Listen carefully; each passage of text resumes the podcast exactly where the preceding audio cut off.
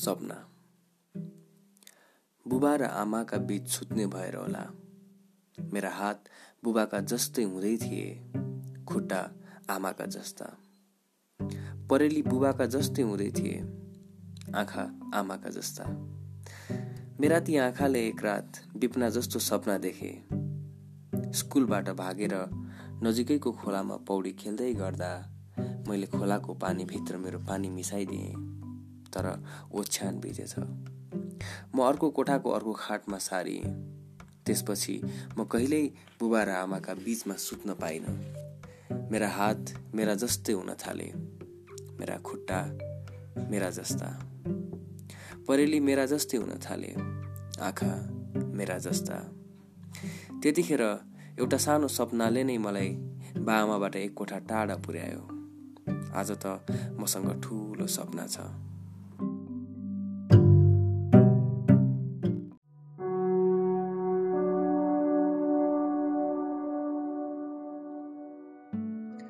कति बाँधिनु पुराना सोच पुराना विचारहरूमा? कति ठोकिनु पूर्व निर्धारित मान्यताका खुड्किलाहरूमा? कति बन्नु डेट एक्सपायर्ड विचारहरूको ग्राहक? कति बन्नु सानो साँगुरो कुवाको भ्यागुता आफ्ना विचारहरूलाई गरेर सम्बन्ध विच्छेद नयाँ दृष्टिकोणबाट संसारलाई हेरौँ दिस इज यर अनम्यारिड हो सुदर्शन पौडेल। आउनुहोस् अनम्यारिड आइडिया स्टार्ट गरौँ। Hello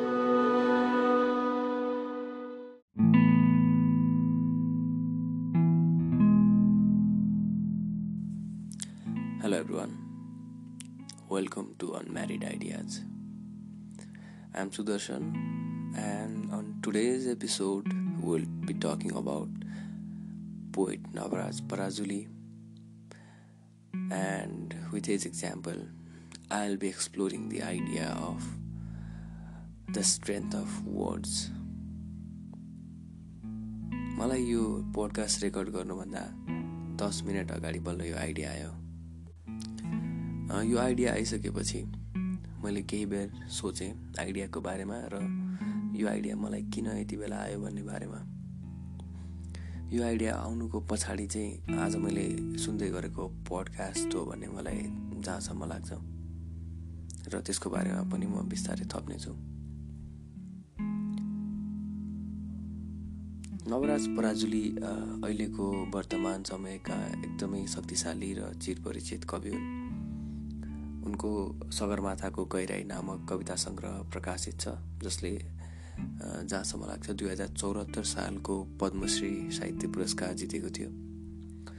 उनले कविता कन्सर्टकै लागि भनेर विभिन्न देशहरू घुमिसकेका छन् विभिन्न देशहरूमा आफ्नो प्रस्तुति देखाइसकेका छन्। त्यसकारण उनको कवितालाई मन पराउनेहरू धेरै नै छन्। र म आफै पनि कविता लेख्ने भएको भएर मलाई के कुरा थाहा छ भने उनको कवितालाई कविता भनेर नस्वीकार्नेहरूको जमात पनि ठुलो छ। र केही हदसम्म मलाई पनि एउटा जुन अवधारणामा म कविता लेखिरहेको छु त्यो अवधारणाबाट चाहिँ अलिक छुट्टै खाले लाग्छ। तर कविताको मूल आशय अथवा मूल औचित्य भनेको मानिसको मन र मस्तिष्कलाई छुन्छ कि छुँदैन भन्ने हो। त्यसकारण त्यसको जज भने चाहिँ नितान्त पाठक नै हुने गर्छ। नवराज पराजुलीको कवितामाथि हुने आलोचना अथवा क्रिटिसिजमको कारण खोज्दै जाने भने एउटा कारण के भेटिन्छ भने उनको कवितालाई शक्ति उनको प्रस्तुतिले पनि थप्ने गर्छ प्रस्तुतिले पनि दिने गर्छ। पडकास्टको सबैभन्दा सुरुवातमा मैले उनको सपना शीर्षकको कविता वाचन गरेँ। कविताको भाव आफैमा निकै शक्तिशाली छ। तर त्यही कवितालाई तपाईँले यदि नवराज पराजुलीको वाचनमा कुनै एउटा कार्यक्रममा कतै सुन्नुभयो भने तपाईँ त्यो कविताको मूल मर्मभित्र पसेर र त्यसका भावनाहरू त्यसको इमोसन्सहरूमा डुबेर तपाईँ रुन पनि बेर लाग्दैन।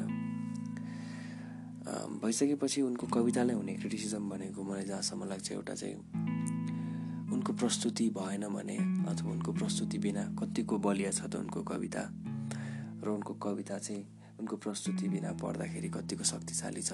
उनको भावनात्मक प्रस्तुति भावनात्मक पर्फर्मेन्स बिना। र मैले यो विषयमा धेरै समय अगाडि पनि एकपल्ट कन्टेम्प्लेसन गरेको थिएँ र मलाई त्यो बेलामा चाहिँ म के निष्कर्षमा पुगेको थिएँ भने ओके। म त्यो बेलामा के निष्कर्षमा पुगेको थिएँ भने नवराज पराजुली रहेनन् भने नवराज पराजुलीको डेथपछि अरूले चाहिँ ल नवराज पराजुलीको चाहिँ अहिले देहान्त भयो अरे।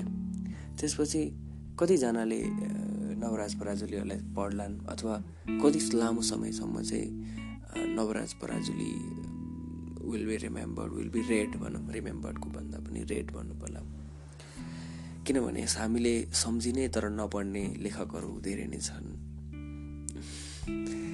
सो मलाई चाहिँ किन निष्कर्षमा पुगेको थियो भने उनी लामो समयसम्म चाहिँ पढिने छैनन् किनकि उनको कविताको शक्ति भनेको उनको प्रस्तुतिमा पनि छ र उनी नभएपछि उनको प्रस्तुति अरू कसले गर्दैन उनको कविता अथवा उनी जतिको शक्तिशाली तरिकाले। अनि नवराज पराजुलीको बारेमा बोलिराख्दाखेरि मैले एउटा क्वेसन गराएको थिएँ टु थाउजन्ड नाइन्टिनको नेपाल लिट्रेचर फेस्टिभलमा। त्यो बेलामा नवराज पराजुली मोडरेटर थिए र उनीसँगै थिए गायक अजर अङ्गम। जहाँसम्म लाग्छ उनको त्यो नाम हो र Vartika M Rai Vartika M Rai is a lyricist अनि also composer singer Ajar Angam is mostly singer अनि मैले चाहिँ अजर अङ्गमलाई के सोधेको थिएँ भने सेक्सपियरको समयमा नाटकहरू हुन्थे तर ती नाटकहरूका कलाकारहरू होइन? त्यो शब्दहरूलाई चाहिँ एउटा स्टेजमा उतार्ने अथवा शब्दहरू बोल्नेहरू त्यति सम्झिँदैन अझै पनि।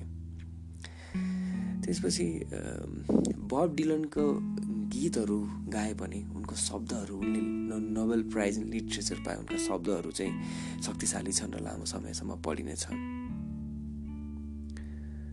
अनि त्यसैले चाहिँ मैले के भन्थेँ भने तपाईँलाई के लाग्छ जस्तो इमोटल तपाईँ चाहिँ नरहँदा पनि तपाईँलाई सम्झिनलाई त तपाईँले केही क्रिएट गरेको हुनु पऱ्यो नि त। त्यही सेन्समा म एकदम खाले चाहिँ स्टेजमा देखेर होला। अथवा जे भएर आई वाज भेरी एक्साइटेड अथवा एकदम धेरै चाहिँ नर्भस भइरहेको थिएँ त्यो बेलामा। अनि मैले जसो तसो त्यो क्वेसन सोधेको थिएँ। अनि अहिले नवराज पराजुलीको प्रस्तुतिलाई उनको कवितासँग जोडेर हेरिरहँदाखेरि त्यो कुरा पनि याद आयो। हजुर रङ्गमले पनि जसो तसो कुरा यसो उसो मिलाएर एन्सर दिएको थिएँ। मैले त्यो भिडियोलाई अथवा त्यो इभेन्टलाई फेरि रिभिजिट गरेको छैन। सो मेरो मेमोरी अलिक स्लपी भयो। अनि मैले आज किन यो कुरा सोचिरहेको छु भन्दाखेरि मैले अघि पनि फेरि भन्छु म भनेर भनिरहेको थिएँ। आज मैले द हिस्ट्री अफ लिट्रेचर भन्ने पडकास्ट सुन्दै थिएँ। द हिस्ट्री अफ लिट्रेचरमा चाहिँ साहित्यको विकासक्रमको सुरुवातदेखिबाट चाहिँ एउटा पडकास्टको श्रव्य सामग्रीको रूपमा चाहिँ एउटा हामी क्रोनोलोजिकली अगाडि बढ्ने त्यो भइरहेको थियो। अनि त्यहाँ चाहिँ स्याफोको कुरा आयो। स्याफो भनेको चाहिँ the first great female writer. हामीहरूलाई थाहा भएको साहित्यको इतिहासमा चाहिँ पहिलो चाहिँ महान स्त्री लेखिका अथवा महिला लेखिका। जसलाई होमर जसले इलियाड र अडेसी लेख्या उसको बराबरी ठान्थे त्यो समयमा एन्सियन्ट ग्रिसमा। अनि त्यो पडकास्टमा के भनिएको थियो भने स्याफोका राइटिङहरू थोरै मात्र बचेका छन् छिरलिएको रूपमा बचेका छन्। एउटा के भन्छ त्यसलाई कङ्क्रिट एउटा हुन्छ नि त निश्चित एउटा कृतिको रूपमा भन्दा पनि छिरलिएका छन्। र वास्तवमा हामीहरूलाई चाहिँ ठुलो भएको क्षति अर्को पनि के हो भने स्याफोका लेखहरू स्याफोका कविताहरू वास्तवमा गीत गीत के हुन्छ गाइन्थे अथवा चाहिँ गायात्मक थिए। तर त्यो सङ्गीत पाँच हजार छ हजार कति हजार सात हजार वर्ष पुरानो त्यो सङ्गीत अब यहाँ त बाँकी छैन। ती शब्दहरू मात्र बाँकी छन्। ती सीमित अथवा चाहिँ चिरलिएका शब्दहरू जसलाई पढेर पनि हामी यो आकलन लगाउन सक्छौँ कि स्याफो कति ब्रिलियन्ट थियो भनेर। अनि त्यो एपिसोडमा जन लिन्डनको उदाहरण दिएर त्यहाँको होस्टले के भन्छ भने सोचौँ जन लिननको त्यो इमेजिन भन्ने गीत अथवा स्ट्रबेरी फिल्स ती गीतहरूका सङ्गीतहरू नरहने हुन् र अबको दुई सय तिन सय वर्षमा चाहिँ कसैलाई हामीहरू ती गीतहरू चाहिँ शब्दको रूपमा मात्रै देखाउँदौँ भने कतिको त्यसले प्रभाव पार्ला। सायद त्यही आइडियाले चाहिँ मलाई नवराज पराजुलीको कविता उनको कृतिको बारेमा सोच्न चाहिँ सोच्ने बनायो। र सँगसँगै मसँग सगरमाथाको गहिराई उनको किताब केही वर्षदेखि कोठामै थियो। कोठामै थियो र अस्ति भर्खर मैले चाहिँ टेबलमा जहाँ सारेको थिएँ तर अहिलेसम्म पढेको थिएन। अनि उनको यो कभर एकदमै राम्रो छ। त्यो कभरले नै मलाई चाहिँ बोलाइरहेको थियो हुन्छ नि त। अनि भइसकेपछि चाहिँ ठ्याक्क आज त्यही सोच चाहिँ उनको कभरमा पुगेपछि एउटा अर्को सोचको रूपमा चाहिँ बन्यो। र मैले पहिले बनाएको एउटा आइडिया जुन थियो नवराज पराजुली नरहेपछि उनका कविताहरूको मोज रहने छैन अथवा उनका कविताहरू पढिने छैनन् भन्ने। त्यसको बारेमा चाहिँ मैले कन्टेम्प्लेट गर्न पुगेँ। म तपाईँहरूलाई अब अर्को एउटा उदाहरण दिएर अनि म चाहिँ आज के सोध्छु यसको बारेमा? आज मेरो विचार चाहिँ परिवर्तन भयो भएन भन्ने बारेमा कुरा गर्छु। विजय कुमारको खुसी भन्ने किताबमा उनले नेपाल टेलिभिजनको लागि काम गरि गर्न थालेको बेलाको कुरा छ। त्यो समयमा नेपाल टेलिभिजनको लागि भिडियो अन्तर्वार्ताहरू एउटा क्यामेरामा खिचिन्थ्यो। जसको जसमा चाहिँ अहिले जस्तो मेमोरी कार्ड भए जस्तो अब एउटा पिसिआर टेप होला अरे होइन? त्यो समयको प्रविधि चाहिँ थियो। त्यो समयमा पारिजातसँग अन्तर्वार्ता लिइएको रहेछ चालिसको दशकमा हुनुपर्छ। र पारिजातसँगको अन्तर्वार्ता टेलिभिजनमा प्रसारित भइसकेपछि जसरी हामी मेमोरी कार्ड फर्मेट गर्छौँ र फर्मेट गरिएको मेमोरी कार्डमा फेरि नयाँ भिडियो र फोटोहरू हाल्ने गर्छौँ त्यसरी नै नयाँ कार्यक्रमहरू खिचिएर प्रसारण गरिँदो रहेछ। अर्थात् त्यो समयमा आर्काइभको चलन थिएन। आर्काइभ गर्नलाई खर्च गरिएन र हाम्रा इतिहासका अनेक महत्त्वपूर्ण किस्साहरू महत्त्वपूर्ण दृश्यहरू हराएर गए। तर अहिलेको समयमा यदि पारिजात अथवा पारिजातको इक्विभेलेन्टहरू कोही छ भने ल सपोज पारिजातको इक्विभेलेन्ट हुन् वा होइनन् भन्ने हामी उस गर्न सक्छौँ। के भन्छ अरे बहस विवाद गर्न सक्छौँ र कतिलाई हास्यास्पद पनि लाग्ला। मलाई चाहिँ I don't think he's comparable to Parijat but still his legacy can be of that के भन्छ त्यसलाई हाइट भनौँ न। किनभने he's still writing his still life अनि पारिजातको लेभलको सपोज नवराज पराजुली उनका अन्तर्वार्ताहरू उनका वाचन गरेका भिडियोहरू यिनीहरू एउटा वाचनलाई चाहिँ मानिसहरूमा प्रसारित गरेर अर्को वाचनलाई प्रसारित गर्नलाई हामीले अघिल्लो वाचन चाहिँ हटाउनु पर्ने फाल्नु पर्ने त्यो आवश्यकता छैन अहिलेलाई। र अर्को कुरा पारिजातको समयमा अथवा चाहिँ स्याफोको समयमा स्याफोको समयमा जति बेला तपाईँ एउटा मञ्चमा मैले उभिएर गाएको सुन्ने दर्शक हुनुहुन्थ्यो भने तपाईँले सुन्नुभयो नत्र भने तपाईँको एक्सेसमा त्यो गीत हुने छैन अथवा गीत भए पनि आवाज हुने छैन। तपाईँ मेरो शब्द र लय त तपाईँ अरू कसैको मुखबाट पनि सुन्न सक्नुहोला। तर मेरो आवाज मेरो टोन मेरो एक्सेन्ट जसरी मैले तपाईँले नवराज पराजुलीको कविता वाचन गरेँ तर नवराज पराजुलीको वाचन तपाईँले सुन्नु भएन। त्यसरी नै तपाईँले मेरो शब्द र लय सुन्न सक्नुहुन्थ्यो तर आवाज सुन्न सक्नुहुँदैन थियो। त्यो स्याफोको समय थियो। यो spoken word free access internet YouTube अहिलेको यो जम्मै छ। त्यसकारण पारिजातका इन्टरभ्यूहरू हराए जस्तो नवराज पराजुलीका वाचनहरू हराउने सम्भावना पनि अलिक कम छ। मैले धेरै प्रसङ्गहरू जोडेर यो आइडियामा कन्टेम्प्लेट गरिरहेको छु। अरू अब अर्को एउटा अन्तिम प्रसङ्ग जोड्छु। जोर्डन पिटर्सन भन्ने एकजना क्लिनिकल साइकोलोजिस्ट छन्। उनका अनेक उनले अब अनेक विषयहरूमा आफ्नो विचार दिएका छन्। कुनै विषयमा मेरो सहमति छ। कुनै विषयमा मेरो शङ्का छ असहमति छ। उनले भनेको एउटा कुरा भने मलाई एकदमै याद आइरहन्छ। एउटा अन्तवार्तामा उनले पढ्नुको महत्त्वबारे र त्यो बारेमा बोल्दै गर्दाखेरि के भनेका थिए भने पढ्नु महत्त्वपूर्ण छ। पढ्दाखेरि हामी अरू केही कुराहरू गर्दैनौँ र एकाग्र भएर हुनुपर्ने आवश्यकता छ। तर किताबलाई ज्ञानलाई भने अहिलेको समयमा अडियो बुक र इन्टरनेट र पडकास्ट जस्ता माध्यमहरूले ज्ञान विस्तारलाई भने एकदमै धेरै हेल्प गरेको छ एकदमै धेरै सहयोग गरेको छ। जोर्डन पिटर्सन पनि उनका लेखहरूभन्दा उनका अन्तर्वार्ताहरूबाट नै फेमस भएका हुन् उनका अन्तर्वार्ताहरूबाट चर्चामा आएका हुन्। आफ्नो क्याम्पसमा जुन उनको एउटा जुन एउटा फेमस किस्सा छ क्याम्पसमा चाहिँ पोलिटिकल करेक्टनेस होइन I'm messing this up so let's not talk about it अहिले यो बिल सी सिक्सटिनको कुरामा आएर ठोकिन्छ। र उनले अन्तर्वार्तामा नै उनी आफै पनि एउटा भिडियो बनाएर एउटा कानुनको विरुद्धमा चाहिँ भिडियो बनाएर चाहिँ चर्चामा आएका हुन्। भिडियोमा बोल बोलेर होइन भिडियो बनाएर बोलेर त्यसै कारण मैले यो प्रसङ्ग जोड्दै थिएँ। र सँगसँगै उनले के भनेको थियो भने सायद मानव इतिहासमा पहिलोपल्ट व्यक्तिले बोलेको शब्दको चाहिँ स्पोकन वर्डको चाहिँ रिच र फैलावट र महत्त्व व्यक्तिले लेखेको शब्दको जतिको भएको छ। र इन्टरनेटले गर्दा युट्युबहरूले गर्दाखेरि चाहिँ सबैसम्म सजिलो एकैपटक पुग्न पनि सकेको छ होइन?